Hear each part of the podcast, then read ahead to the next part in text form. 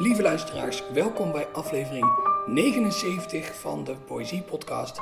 Mijn naam is Daan Doesborg en ik zit weer op die vertrouwde zolder van Splendor, waar het 79 afleveringen geleden allemaal begon. En nu allemaal gewoon weer op dezelfde voet verder gaat.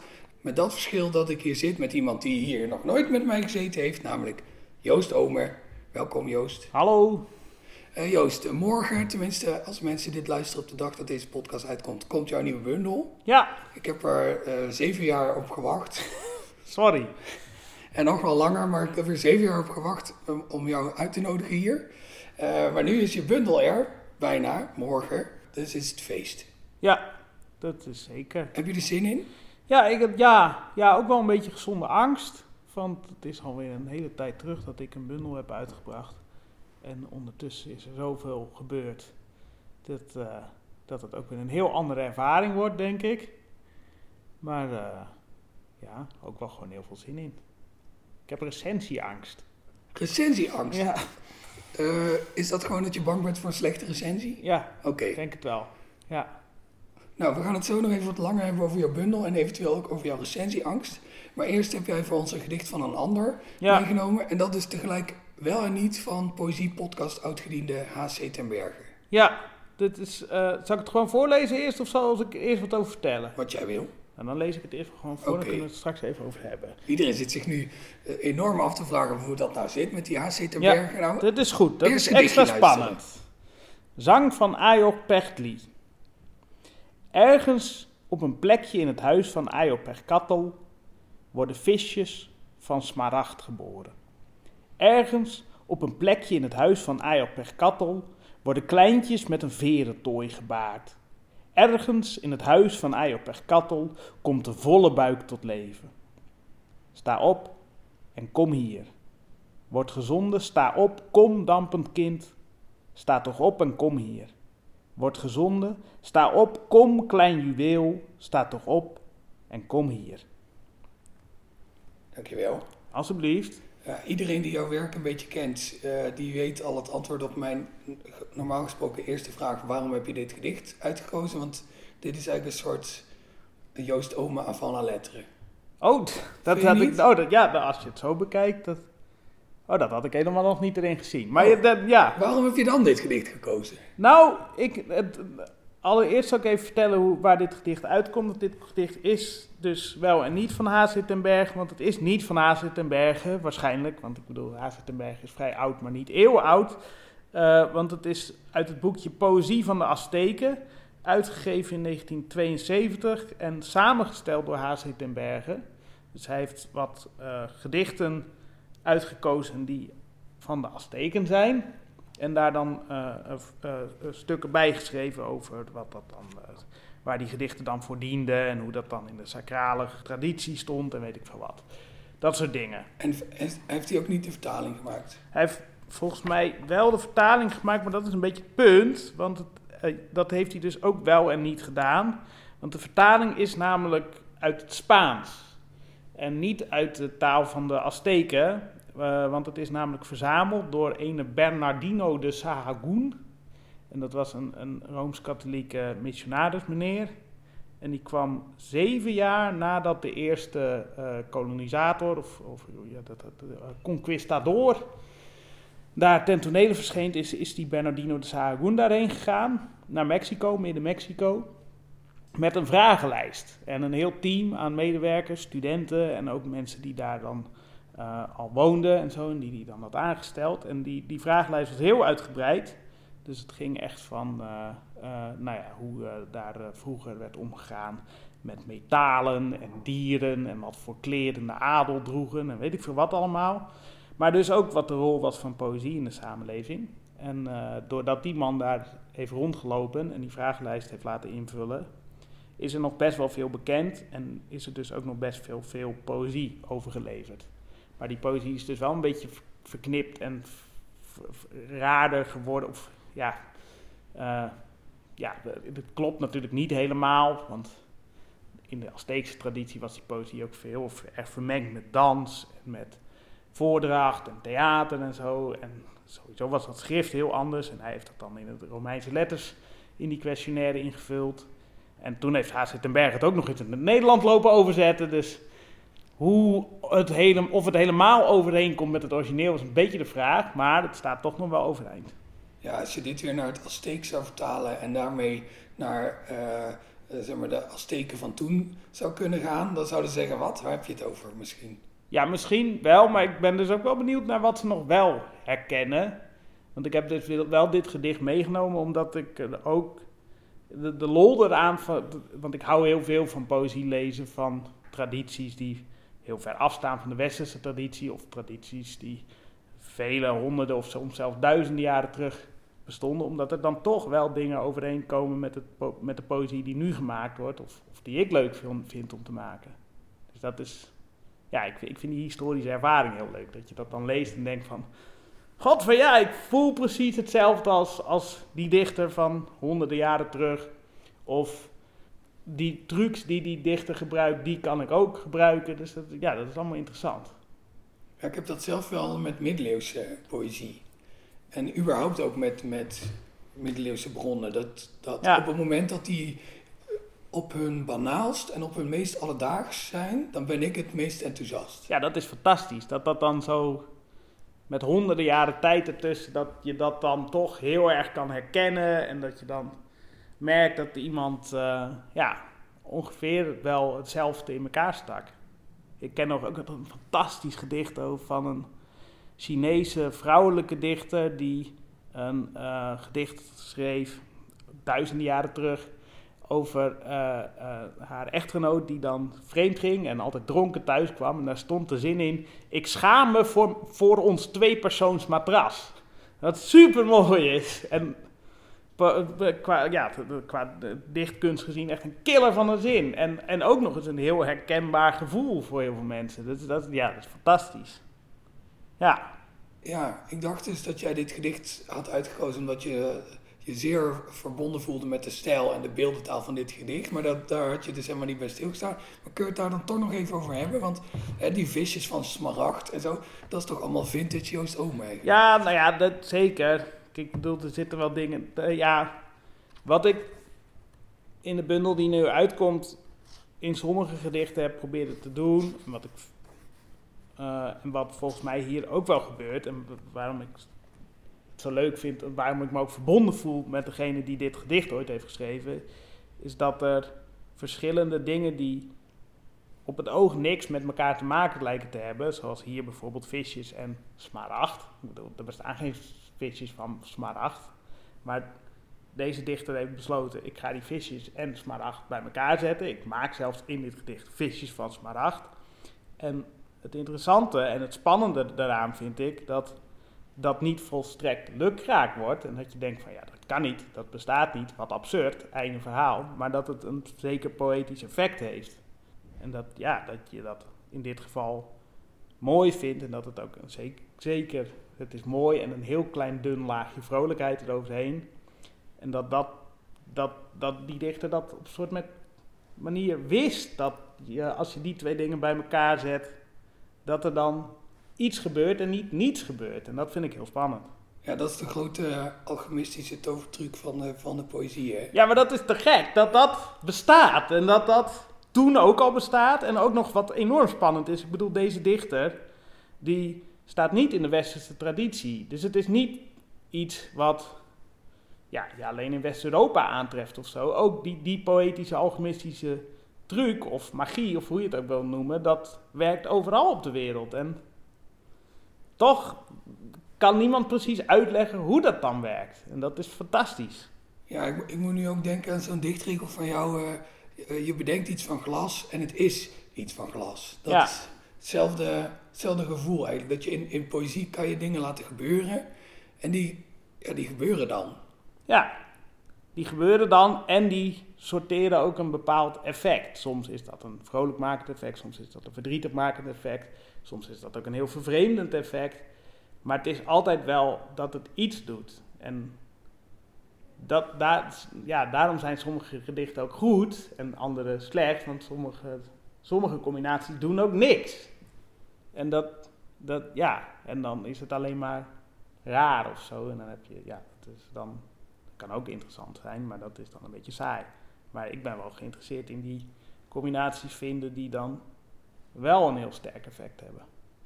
Dus eigenlijk zou iemand een keer een soort, een soort taxonomie moeten maken van zeg maar, combinaties die wel en niet werken. Ja. Want je ziet ook heel vaak beginnende dichters die het heel erg verwoed proberen.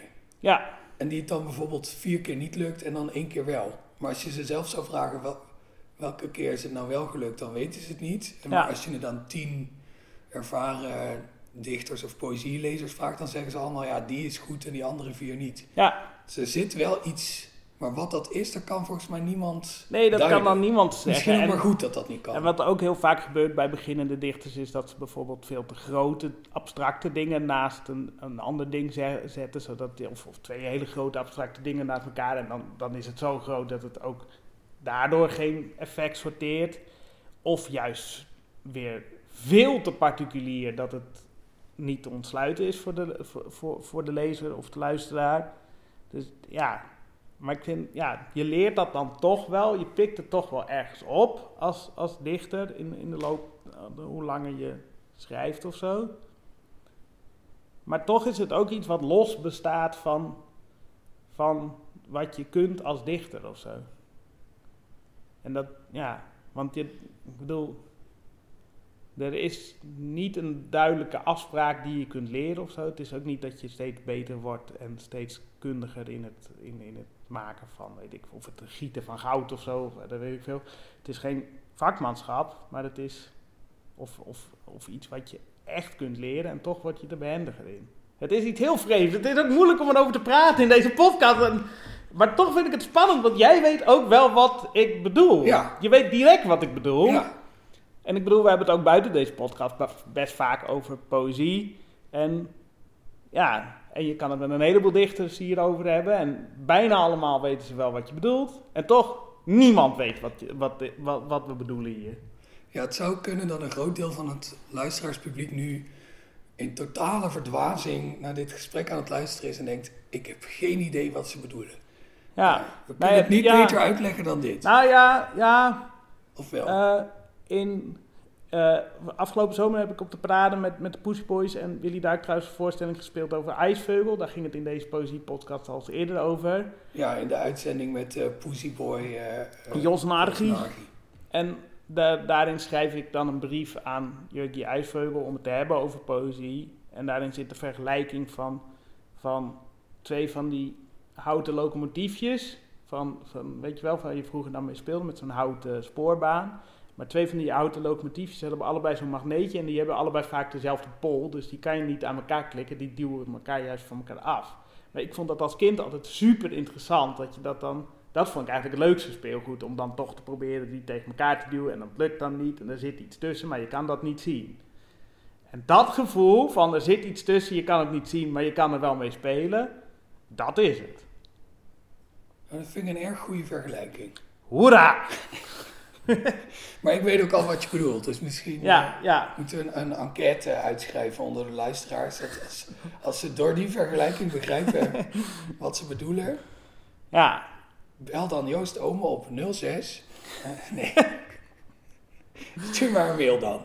en als je het niet begrijpt ook, dan, eh, dan, dan ja. Dan wordt het nog een een keer antwoord. proberen. Ja, Aan, aan de ene kant is het natuurlijk een beetje dubieus om, en wat, waar we het net over hadden, zo'n zo'n gedicht te vertalen van een vertaling die zelf eigenlijk ook alweer op meer, in meerdere opzichten een, een vertaling is. Want je neemt niet een bundeltje en dat schrijf je over in het Spaans en dat schrijf je over in het Nederlands. Ik reduceer vertalen nu tot heel oneerbiedig tot overschrijven, Mhm. maar we weten allemaal dat ik weet dat het meer is dan dat. Je bent notabene zelf vertalen. Daarom. Ehm, en, maar, en, en, en je ziet dat wel vaker, hè, dat bijvoorbeeld ook ehm, iemand als Boutens bijvoorbeeld, of Leopold, Mhm. die hebben ook heel veel bijvoorbeeld Perzische dichters vertaald. Nou, dat deden ze natuurlijk niet uit het Perzisch. Nee, Of ik heb het nu verkeerd en iemand gaat me hier een hele boze mail over sturen. Dat mag ook. Alle mails mogen naar poëziepodcast.gmail.com. Eh, maar ik weet vrij zeker dat bijvoorbeeld Leopold eh, niet vertaalde uit het Perzisch, maar... Bertus die- Aafjes is ook een goed voorbeeld. Ja. Die heeft al die oud-Egyptische dingen. Ja, precies. En die vertaalde vertalingen. Ja. Ehm, aan de ene kant kan je dan denken, goh, dat is, dat is natuurlijk een beetje dubieus. Aan de andere kant kan je je natuurlijk ook afvragen of, of realiseren, gewoon wat, wat wonderlijk, dat zelfs bij zo'n vanuit gewoon een li- literatuurwetenschappelijk oogpunt onzuivere methode er toch nog zoveel poëzie overblijft in die dingen. Ja. Ja, ik denk wel dat er ook een hoop poëzie verloren gaat. Of in ieder geval een hoop stijlmiddelen verloren gaan. Want in het geval van dit, dit boekje van de poëzie van de Azteken, dan zegt Berg ook in het voorwoord van... Ja, de, de, de gedichten zijn wel behoorlijk ingekort. Want in de Azteekse traditie zijn vaak gedichten ook zangen. En eh, dan werd er een hoop herhaald de hele tijd. Nou, die herhaling hebben we er maar even uitgeknipt, want dat is voor niemand leuk. Ja, dat is dan wel jammer, dan is het dan niet het origineel of zo. Maar goed, ik snap het ook wel, want het, het boekje, ja, dat- anders werd het boekje wel erg dik en misschien een beetje saai. Terwijl het is niet zo'n heel dik boek. Had nee, het wel wat een erg dun, een dun boek. Er staan ongeveer tien gedichten in en voor de rest is, eh, eh, ja, eh, uitleg. Maar ja, zo'n combinatie als visjes en smaragd en, en ook kleintjes met een verentooi gebaard, ja, dat, dat is misschien, misschien verliezen we wel een heleboel betekenissen. Dat kan, maar de poëtische kracht van die, die samenstellingen blijft overeind. Ook al eh, is het drie keer door de vertalersmangel gehaald, visjes wordt niet opeens vogels. Ja, dat is waar. Ik, als ik dan zelf ook even een vergelijking op tafel mag gooien. Ik vergelijk vertalen altijd met dat je gewoon twee armen vol eh, ballenbakballen van de ene plek naar de andere moet verplaatsen. Ja, En on- onvermijdelijk gaan er dan in die ballenbak nog ballen achterblijven. Maar de ballenbak waar je ze in kiepert, daar zitten ook altijd al wel nog wat ballen in van de vorige keer. Dus je verliest een paar ballen en je wint een paar ballen. Maar zeker bij zo'n vertaling van de ene cultuur naar de andere, is het dan natuurlijk wel zo dat alle ballen die je kwijt bent, die zijn Azteeks. En alle ballen die erin gestopt worden, die zijn Westers. ja, Van die Spanjaard en van AC ten Berge. ja, Maar wat je zegt inderdaad, dat de, de kern van zo'n beeld, ja, dat zal toch heus wel overeind blijven. ja, ja, en dat. En kijk, er zijn natuurlijk dingen waar dat heel kwalijk mee is. Bijvoorbeeld dingen waar heel veel geld mee wordt verdiend. Als je dit, dat zo uit de ene cultuur trekt en dan eh, eh, ergens anders eh, gaat gebruiken. Maar bij poëzie vind ik dat gewoon ook iets minder erg. Want ja, wat ik erover lees in dit boekje waren de, de dichters van de Azteken enigszins randfiguren. Ik bedoel, ze werden onderhouden door de staat. eh, en, en hun doel was dan gedicht te schrijven. En in dit, dit geval sacrale poëzie. Maar er waren er dan ook die daar rondliepen. Die schreven alleen maar leuke liedjes. Eh, Wat en- een verlichte maatschappij, dat dichters gewoon geld kregen van de Ja. staat om lekker de hele dag. En, maar in de jaren 70 van, van de 20e eeuw, waarin dit, dit boekje is uitgebracht, eh, ja, waren de dichters in, in, in Nederland, in West-Europa ook gewoon een beetje sneu figuren die, die leefden van de staat. Dus zo ja, er is niet een enorm scheve machtbalans of zo, wat, wat, wat, ja, wat tussen deze twee dingen. Ja, er is vast ook niet heel veel geld verdiend met deze bloemlezing. Nee, denk het niet, nee. Maar Nee, als ja, niet. dit hoort en hij heeft echt een, een tweede huis in Frankrijk kunnen kopen, van, oh, dan mag hij ook mailen naar poëziepodcast. Ik zou het wel eerlijk gezegd nog fantastisch vinden als dat, dat, dat is gebeurd. Ja, dat zou ik ook eigenlijk helemaal niet erg vinden. Nee, is hem ook van harte gegund. Ja. Maar... Eh, Zou je misschien het gedicht eh, nog een keer eh, willen laten horen aan iedereen? ja, dat is goed. Zang van Ayopechtli. Ergens op een plekje in het huis van Ayopechtli worden visjes van smaragd geboren. Ergens op een plekje in het huis van Ayopechtli worden kleintjes met een verentooi gebaard. Ergens in het huis van Ayopechtli komt de volle buik tot leven. Sta op en kom hier. Word gezonden, sta op, kom dampend kind. Sta toch op en kom hier. Word gezonden, sta op, kom klein juweel. Sta toch op en kom hier. Dankjewel. Er zit toch ook best wel veel wat herhaling wel in. Dus misschien Ja, was het ja, echt ja, vervelend was, het echt heel vervelend. Maar het is ook wel leuk hoor, dat, eh, die- uitleg, eh, de stukjes zijn heel, heel, heel interessant. Bijvoorbeeld eh, de- zo'n mooie zin, als, er, er staat, er staat ook een, een gedichting dat heet Zang van de Konijnen. En dat eh, eh, eh, eh, gaat over het drinken van witte likeur, eh poelke. En dan eh, staat de eerste zin van de uitleg is... Dronkenschap krijgt tegen het einde steeds meer de overhand. De oud-Mexicaanse poëzie werkt als poelke die zijn argeloze prooi bij de stot, strot grijpt. Nou, oké. Ja, die staat. ja. Ehm, jij, bent, eh, jij hebt ook een bundel gemaakt vol met de poëzie die de argeloze lezer bij de strot grijpt. ja, ik was ook dronken. Nee. Hoe heet je bundel eigenlijk? Eh, de bundel heet Lieve Gedicht. Ja, Aan elkaar. ja aan elkaar. In één keer. Eh, ja, dat, dat, dat was al een gedicht. eh, en ik moest een titel voor de bundel. En het is een bundel met een heel segment, ook met liefdesgedichten. Dus toen dacht ik, nou, dan, dan kan dat wel. Eh, Voor we jouw eh, recensieangst eh, op de ontleedtafel gaan leggen, heb je een gedicht voor ons uit deze bundel? Ja, alleen zit het in mijn tas. Moet ik het even ja, pakken? Ja, nee, lekker pakken, joh.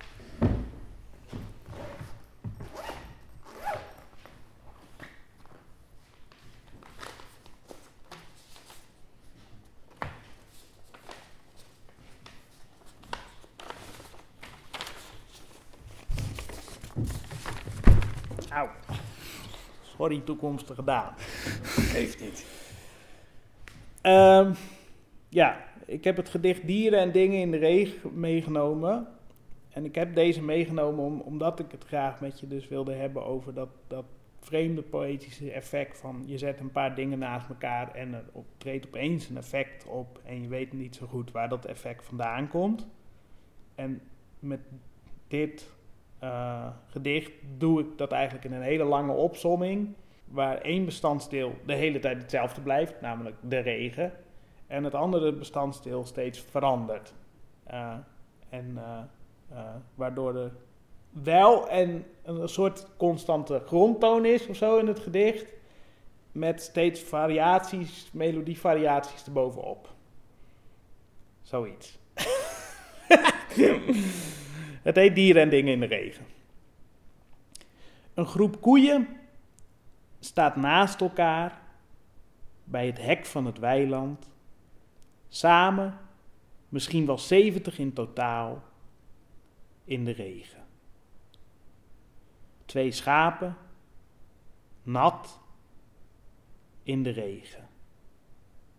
Een groot paard, een klein paard, een wit paard en een ezel in de regen. Meer dan 14.000 mieren, onder en boven de grond, maar allemaal in de regen. Dragen zij gloednieuwe parapluutjes, twee bruidegomachtige dassen, sigaretten rokend en volledig ontspannen in de buurt van een houtwal in de regen. Boorplatformen op de Noordzee, die elkaar als walvissen lange verklaringen van liefde zenden. Is windstil, druppels maken deuken in lome golven in de regen. De premier, alleen, op een glimmend Haagsplein, met voeten in lode sokken, in een donkergroene poncho, maar verkeerd om, zodat de capuchon voor zijn gezicht zit, armen onhandig wijd als in help me. Lieve Rutte, je hoeft niet meer efficiënt te zijn. De VVD bestaat niet. Ontspan je maar. Laat je blaas los. In de regen. Een lege stretcher in een appelboomgaard in de regen. Een groepje dat, de antwoorden, dat, dat het antwoord op een prijsvraag probeert te vinden in de regen. Kerkgebouwen van tonnen baksteen in de regen. Nagellakflesjes op de Veluwe in de regen. In de kleuren rood, paars en goud. Een klein meisje met een fietsenrekgebit. Dat met een gezicht naar beneden hoera zegt. In de regen. Voetballers. Die zweten waarbij stukken gras aan hun kuiten blijven plakken. Tegelijkertijd binnenvaartschepen die bergen, trouwringen en autovelgen vervoeren. Rinkel, rinkel en de doffe trappen tegen een opgepompte bal die vliegt. Tegen kletsnat net tot stilstand komt in de regen. Druppels. in de regen. Trouw met me in de regen. Kopje schevende kat met nog één oog in de regen. Zachte trui in de regen. Openstaande bus Nesquik. Dit is geen treurig gedicht. Dit is een nat gedicht. De toppen van mijn vingers zijn helemaal rimpelig geworden. Ik bel naar Europa en overtuig ze van een door hen gefinancierd afdak over dit hele continent. Al het belastinggeld moet er worden ingestopt. Een groot project van berkenhout en glas en we zullen opdrogen. We zullen gelukkig zijn. In de regen, in de regen, in de regen. Dankjewel. Alsjeblieft. Hier had ten Berg ook nog wel even met de pen doorgekund om wat Ja, eh, veel herhalingen in. herhalingen. Die regen komt Ja. een aantal keer terug. Nee, ik vind het een erg mooi gedicht, Joost. Dank u. En eh, ik ben blij dat ik het, eh, het gigantische dak van glas en berkenhout ooit een keer in het echt heb mogen aanschouwen. Ja, dat had ik alweer vergeten. Ja, ik heb dat ooit in Minecraft gebouwd. Dat was heel mooi geworden. Ja. Daar was ik ook echt, daar was ik zat van de regen. Ja, is ook wel vervelend, eh, die regen. Maar wa- wat ik me dus afvroeg, je moet natuurlijk eigenlijk nooit eh, vragen hoe de worst gemaakt wordt, eh, maar ga ik toch doen.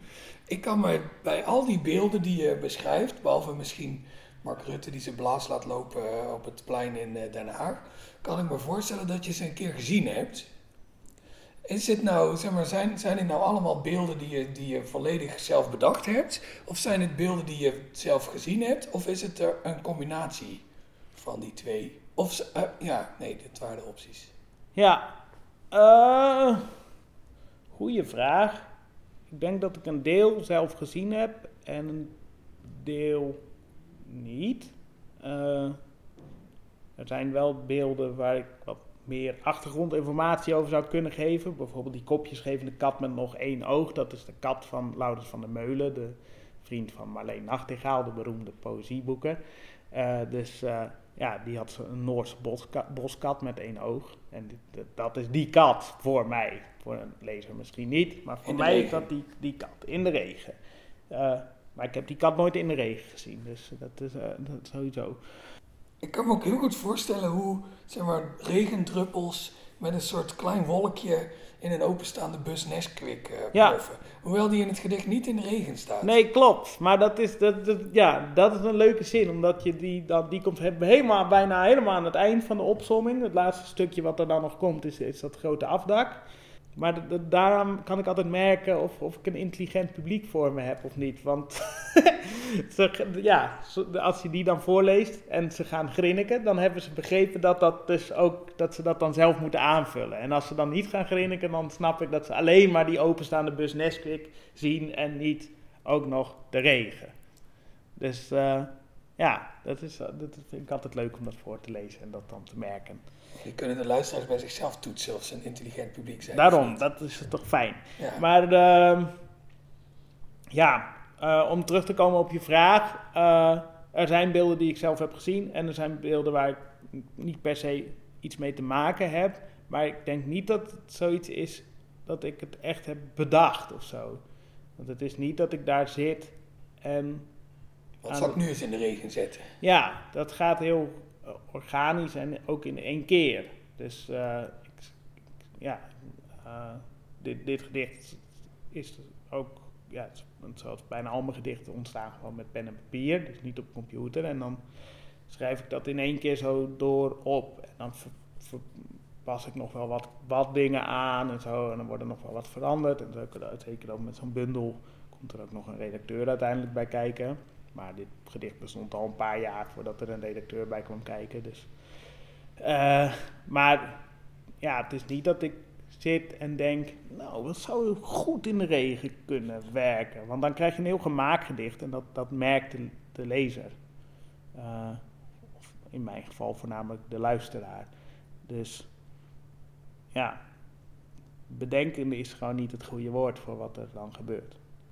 Je hebt nu jarenlang wat je net al zegt, vooral luisteraars van je gedicht geha- gehad. Ja, Nu krijg je weer lezers. ja. Vind je dat ook spannend? Of heb ik je nu nieuwe angst aangepraat? Nee, ik vind grappig. eh, oh, ik merkte net toen ik dat gedicht voorlas. Er is een eh, laatste wijziging ingekomen. Omdat mijn redacteur zei van. eh, ja, een prijsvraag die heeft eigenlijk altijd maar één oplossing. En niet oplossingen. En er stond daar altijd oplossingen. Dus eh, bij die zin struikelde ik net ook bij het voorlezen. Omdat ik dacht, er, er hoort daar toch oplossingen te staan. Maar dat staat er dus niet meer. Ik dacht dat er dan zo'n speurtocht waarbij je allerlei dingen moest. Ja, eh, Kan je ja. nog speurtocht en oplossingen van Nee, maken? dat is niet te laat, want de bundel komt morgen. Oh, dus jammer. het is dit. Nee. Maar je kan toch ook. Ik heb zelf ook een, een versie van sommige gedichten die ik voordraag en een versie die ik afdruk. En die zijn verschillend op Ja. kleine, onbeduidende punten. Of grotere, belangrijkere punten. Ik bedoel, dat kan gewoon. Ja. Ja. Ja. Maar goed, terug naar de angst. Nou ja, kijk. eh, ik, vind het heel, ik vind het lastig om die twee dingen los van elkaar te zien of zo. Ook omdat als ik zelf gewoon gedichten van anderen lees, of, of, of zelfs romans van anderen lees, dan gaat dat precies op het tempo van dat iemand het voor kan lezen, omdat ik het allemaal gewoon hoor in mijn hoofd. Eh, dat vind ik zelf een heel prettige manier van lezen, omdat je daardoor het gevoel van ritme krijgt en een klank en weet ik veel wat. Alleen ik kan me dus heel moeilijk voorstellen dat er ook mensen zijn die anders eh, poëzie lezen. En voor die mensen die anders poëzie lezen, en ik vermoed dat dat ook veel recensenten zijn, want als je recensent bent, dan moet je vrij snel rap doorlezen. Dus dan kun je het niet in dat tempo doen van hoe snel het wordt voorgelezen. Dan weet ik gewoon, kan ik me heel moeilijk inleven hoe het op je overkomt. Dus ik heb daar wel dingen proberen in de bundel mee te ondervangen. Zelfs zo tot in zoverre dat er een hele partituur voor het gedicht Zitmandarijntje in de bundel staat. Zodat mensen het op hun basgitaar kunnen spelen. Eh, want het staat in de bassleutel. Eh, maar ja, daar, daar, ja, omdat ik zo uit die voordrachtstraditie kom. En ook nog eens een gekke, heel kleine niche voordrachttraditie, omdat het ook geen spoken word is. Eh, vrees ik daar een beetje voor. Je durft ze bijna niet over te leveren aan de lezer. Nee, Doe ik er niet te ik vind dat over. spannend. Maar aan de andere kant ben ik heel blij dat er wel weer een bundel is. En dat mensen het ook gewoon thuis kunnen lezen. En dat ze niet naar een of ander academisch kroegje moeten. En voor mij is het ook fijn, omdat het, het uitbrengen van de bundel toch ook wel weer deuren opent of zo. En je hoeft niet bij al die mensen langs. En ik hoef niet bij al die mensen langs, maar het liefst was ik wel bij al die mensen langs geweest. Dat is ook wel weer zo. Diplomatiek antwoord. Nou ja, maar ook wel, ook wel gemeend hoor. Want ik bedoel, ik vind het leuk zo'n bundel uitbrengen. En ik hou ervan. En ik hou van poëzie in bundels en po- geschreven poëzie. En ik wil me daar ook wat tussen voegen. Tussen schrijvers die een bundel uitbrengen. Tegelijkertijd leeft mijn poëzie het meest. En word ik het meest gelukkig als ik mag voordragen. En als ik zie dat het dan aankomt of zo. Dus ja, laatst moest ik voordragen bij vrienden van jou toevallig, die op iemands verjaardag, die was dan fan. En dan had de vriend daarvan gevraagd of ik dan op die verjaardag wilde langskomen. En toen mocht ik voor ze voordragen, ze waren met z'n tweeën. En ik kreeg er twee flessen Hennessy voor, dus dat was een prima deal. Maar dat vond ik heel gezellig en ook wel heel sp- spannend en gek en precair, maar ook heel levendig om dan gewoon in een huiskamer gedichten voor te lezen.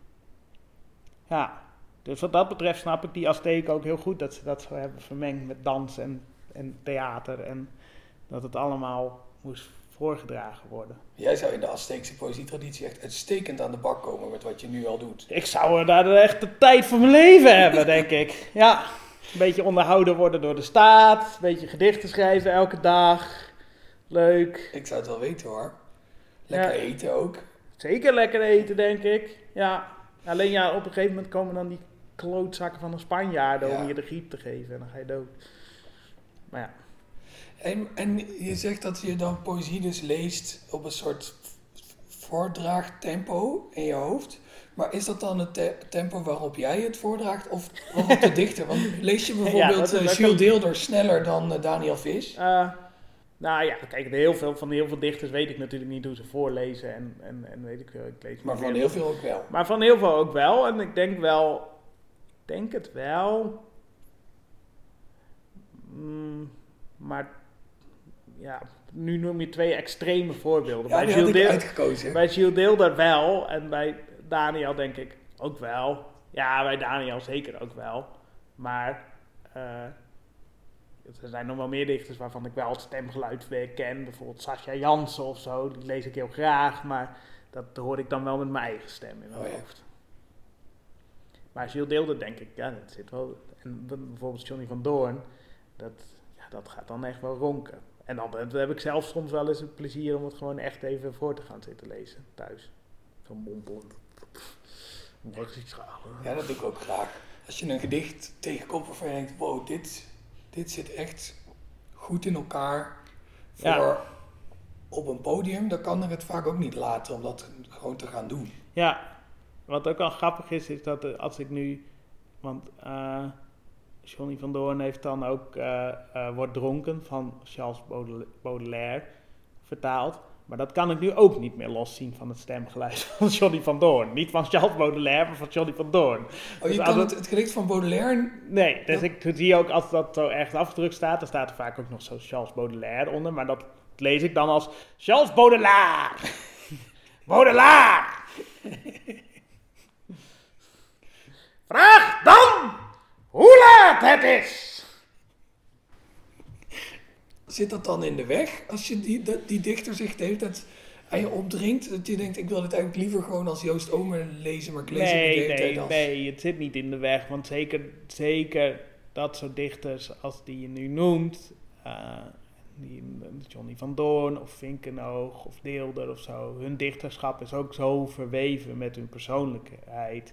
En is, dat, dat is ook gewoon fantastisch en leuk en zo. Dus dat, dat, dat, wil, dat, dat, wat, wat, helpt dat nou om dat los van elkaar te zien? Het is juist leuk dat zij een, een bijzonder artistiek en, en, en kunstzinnig geheel hebben gemaakt van hun hele persoon en, en van hun poëzie, die, die daar ook dan weer een verlengstuk van is.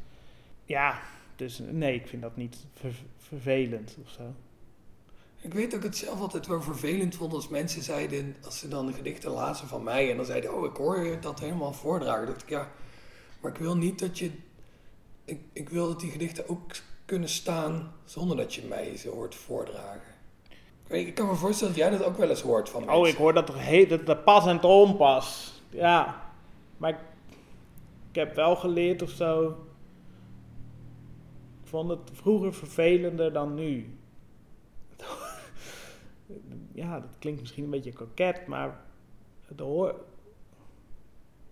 Die, eh, ja, nou ja, nee, het is helemaal niet koket. Die stijl van voordragen is ook gewoon onderdeel van mijn kunstenaarschap. Dus als iemand dat er doorheen hoort, ja, dat hoort dus ook bij dat gedicht. En ik zou wel ik kan wel willen dat zo'n gedicht op zich kan staan, maar ja, als, het is ook vet dat als iemand mij één keer heeft voor, voor, voordragen, dat dat zo'n indruk maakt dat dat, dat, dat direct aan die gedichten begint te kleven. Daar mag ik ook dan trots op zijn of zo. Dus dat, ja, dat vind ik dan niet zo'n ramp. Maar ja, ik zou, het is wel, het is wel misschien, ik zou het bijvoorbeeld leuk vinden als iemand een keer mijn gedichten vertaalt en eh, naar, naar ver weg opstuurt of zo. En dan, dan ook dat horen van iemand die nog nooit mij kan, kan hebben horen voordragen. En kijken dan of het dan nog overeind blijft. Maar ik vind het niet een probleem wanneer iemand dat tegen mij zegt dat het zo verbonden is.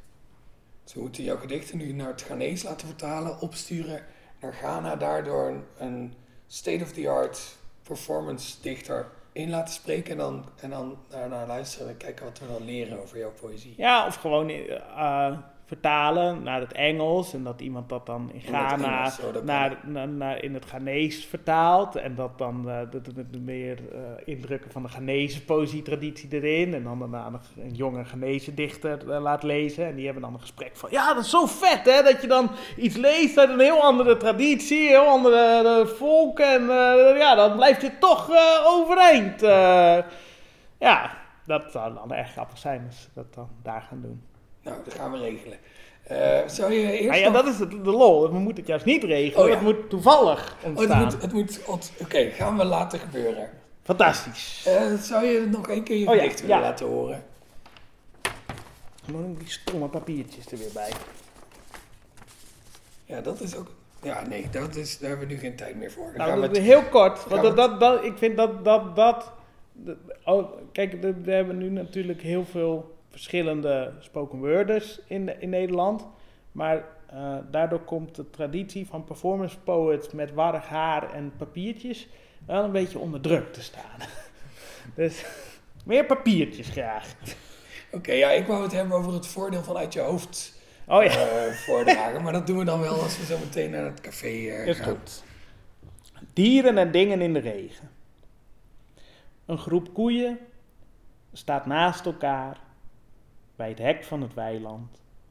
Samen, misschien wel 70 in totaal, in de regen. Twee schapen, nat, in de regen. Een groot paard, een klein paard, een wit paard en een ezel in de regen. Meer dan 14.000 mieren, onder en boven de grond, maar allemaal in de regen. En dragen zij gloednieuwe parapluutjes? Twee bruidegomachtige dassen, sigaretten rokend en volledig ontspannen in de buurt van een houtwal in de regen. Boorplatformen op de Noordzee die elkaar als walvissen lange verklaringen van liefde zenden. Het is windstil, druppels maken deuken in lome golven, in de regen. De premier, alleen, op een glimmend Haagsplein, met voeten in lode sokken, in een donkergroene poncho, maar verkeerd om zodat de capuchon voor zijn gezicht zit. Armen onhandig wijd als in help me. Lieve Rutte, je hoeft niet meer efficiënt te zijn. De VVD bestaat niet. Ontspan je maar. Laat je blaas los. In de regen. Een lege stretcher in een appelboomgaard in de regen. Een groepje dat de aanwijzingen van een speurtocht probeert te vinden in de regen. Kerkgebouwen van tonnen baksteen in de regen. Nagellakflesjes op de Veluwe in de regen in de kleuren rood, paars en goud. Een klein meisje met een fietsenrekgebit dat met een gezicht naar beneden hoera zegt in de regen. Voetballers die zweten, waarbij stukken gras aan hun kuiten blijven plakken. Tegelijkertijd binnenvaartschepen die bergen trouwringen en autovelgen vervoeren. Rinkel, rinkel en de doffe trappen tegen een opgepompte bal die vliegt. Tegen kletsnat net tot stilstand komt in de regen. Druppels in de regen. Trouw met me in de regen. Kopjesgevende kat met nog één oog in de regen. Zachte trui in de regen. Openstaande bus Nesquik. Dit is geen treurig gedicht. Dit is een nat gedicht. De toppen van mijn vingers zijn helemaal rimpelig geworden. Ik bel naar Europa en overtuig ze van een door hen gefinancierd afdak over dit hele continent. Al het belastinggeld moet er worden ingestopt. Een groot project van berkenhout en glas en we zullen opdrogen.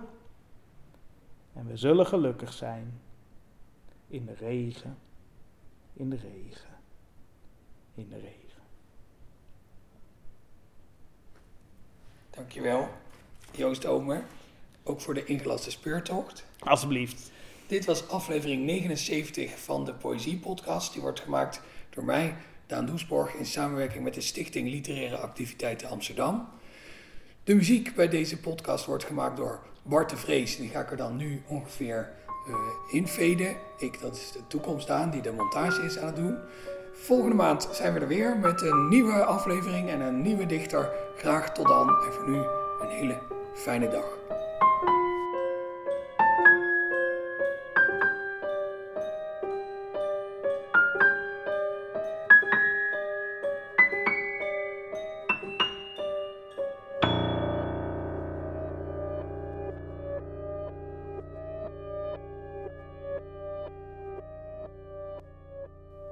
Je luisterde naar een aflevering van de Poëzie Podcast. Daan Doesborg is schrijver en presentator. In 2010 werd hij Nederlands kampioen Poetry Slam. Momenteel werkt hij aan zijn debuutroman, die zal verschijnen bij uitgeverij Van Oorschot. De Poëzie Podcast wordt mede mogelijk gemaakt door de Stichting Literaire Activiteiten Amsterdam. Bij ons draait alles om literatuur. We maken programma's voor de hele stad, online en offline. Al onze podcasts zijn ook te beluisteren via onze website www.sla.nl/slaakast.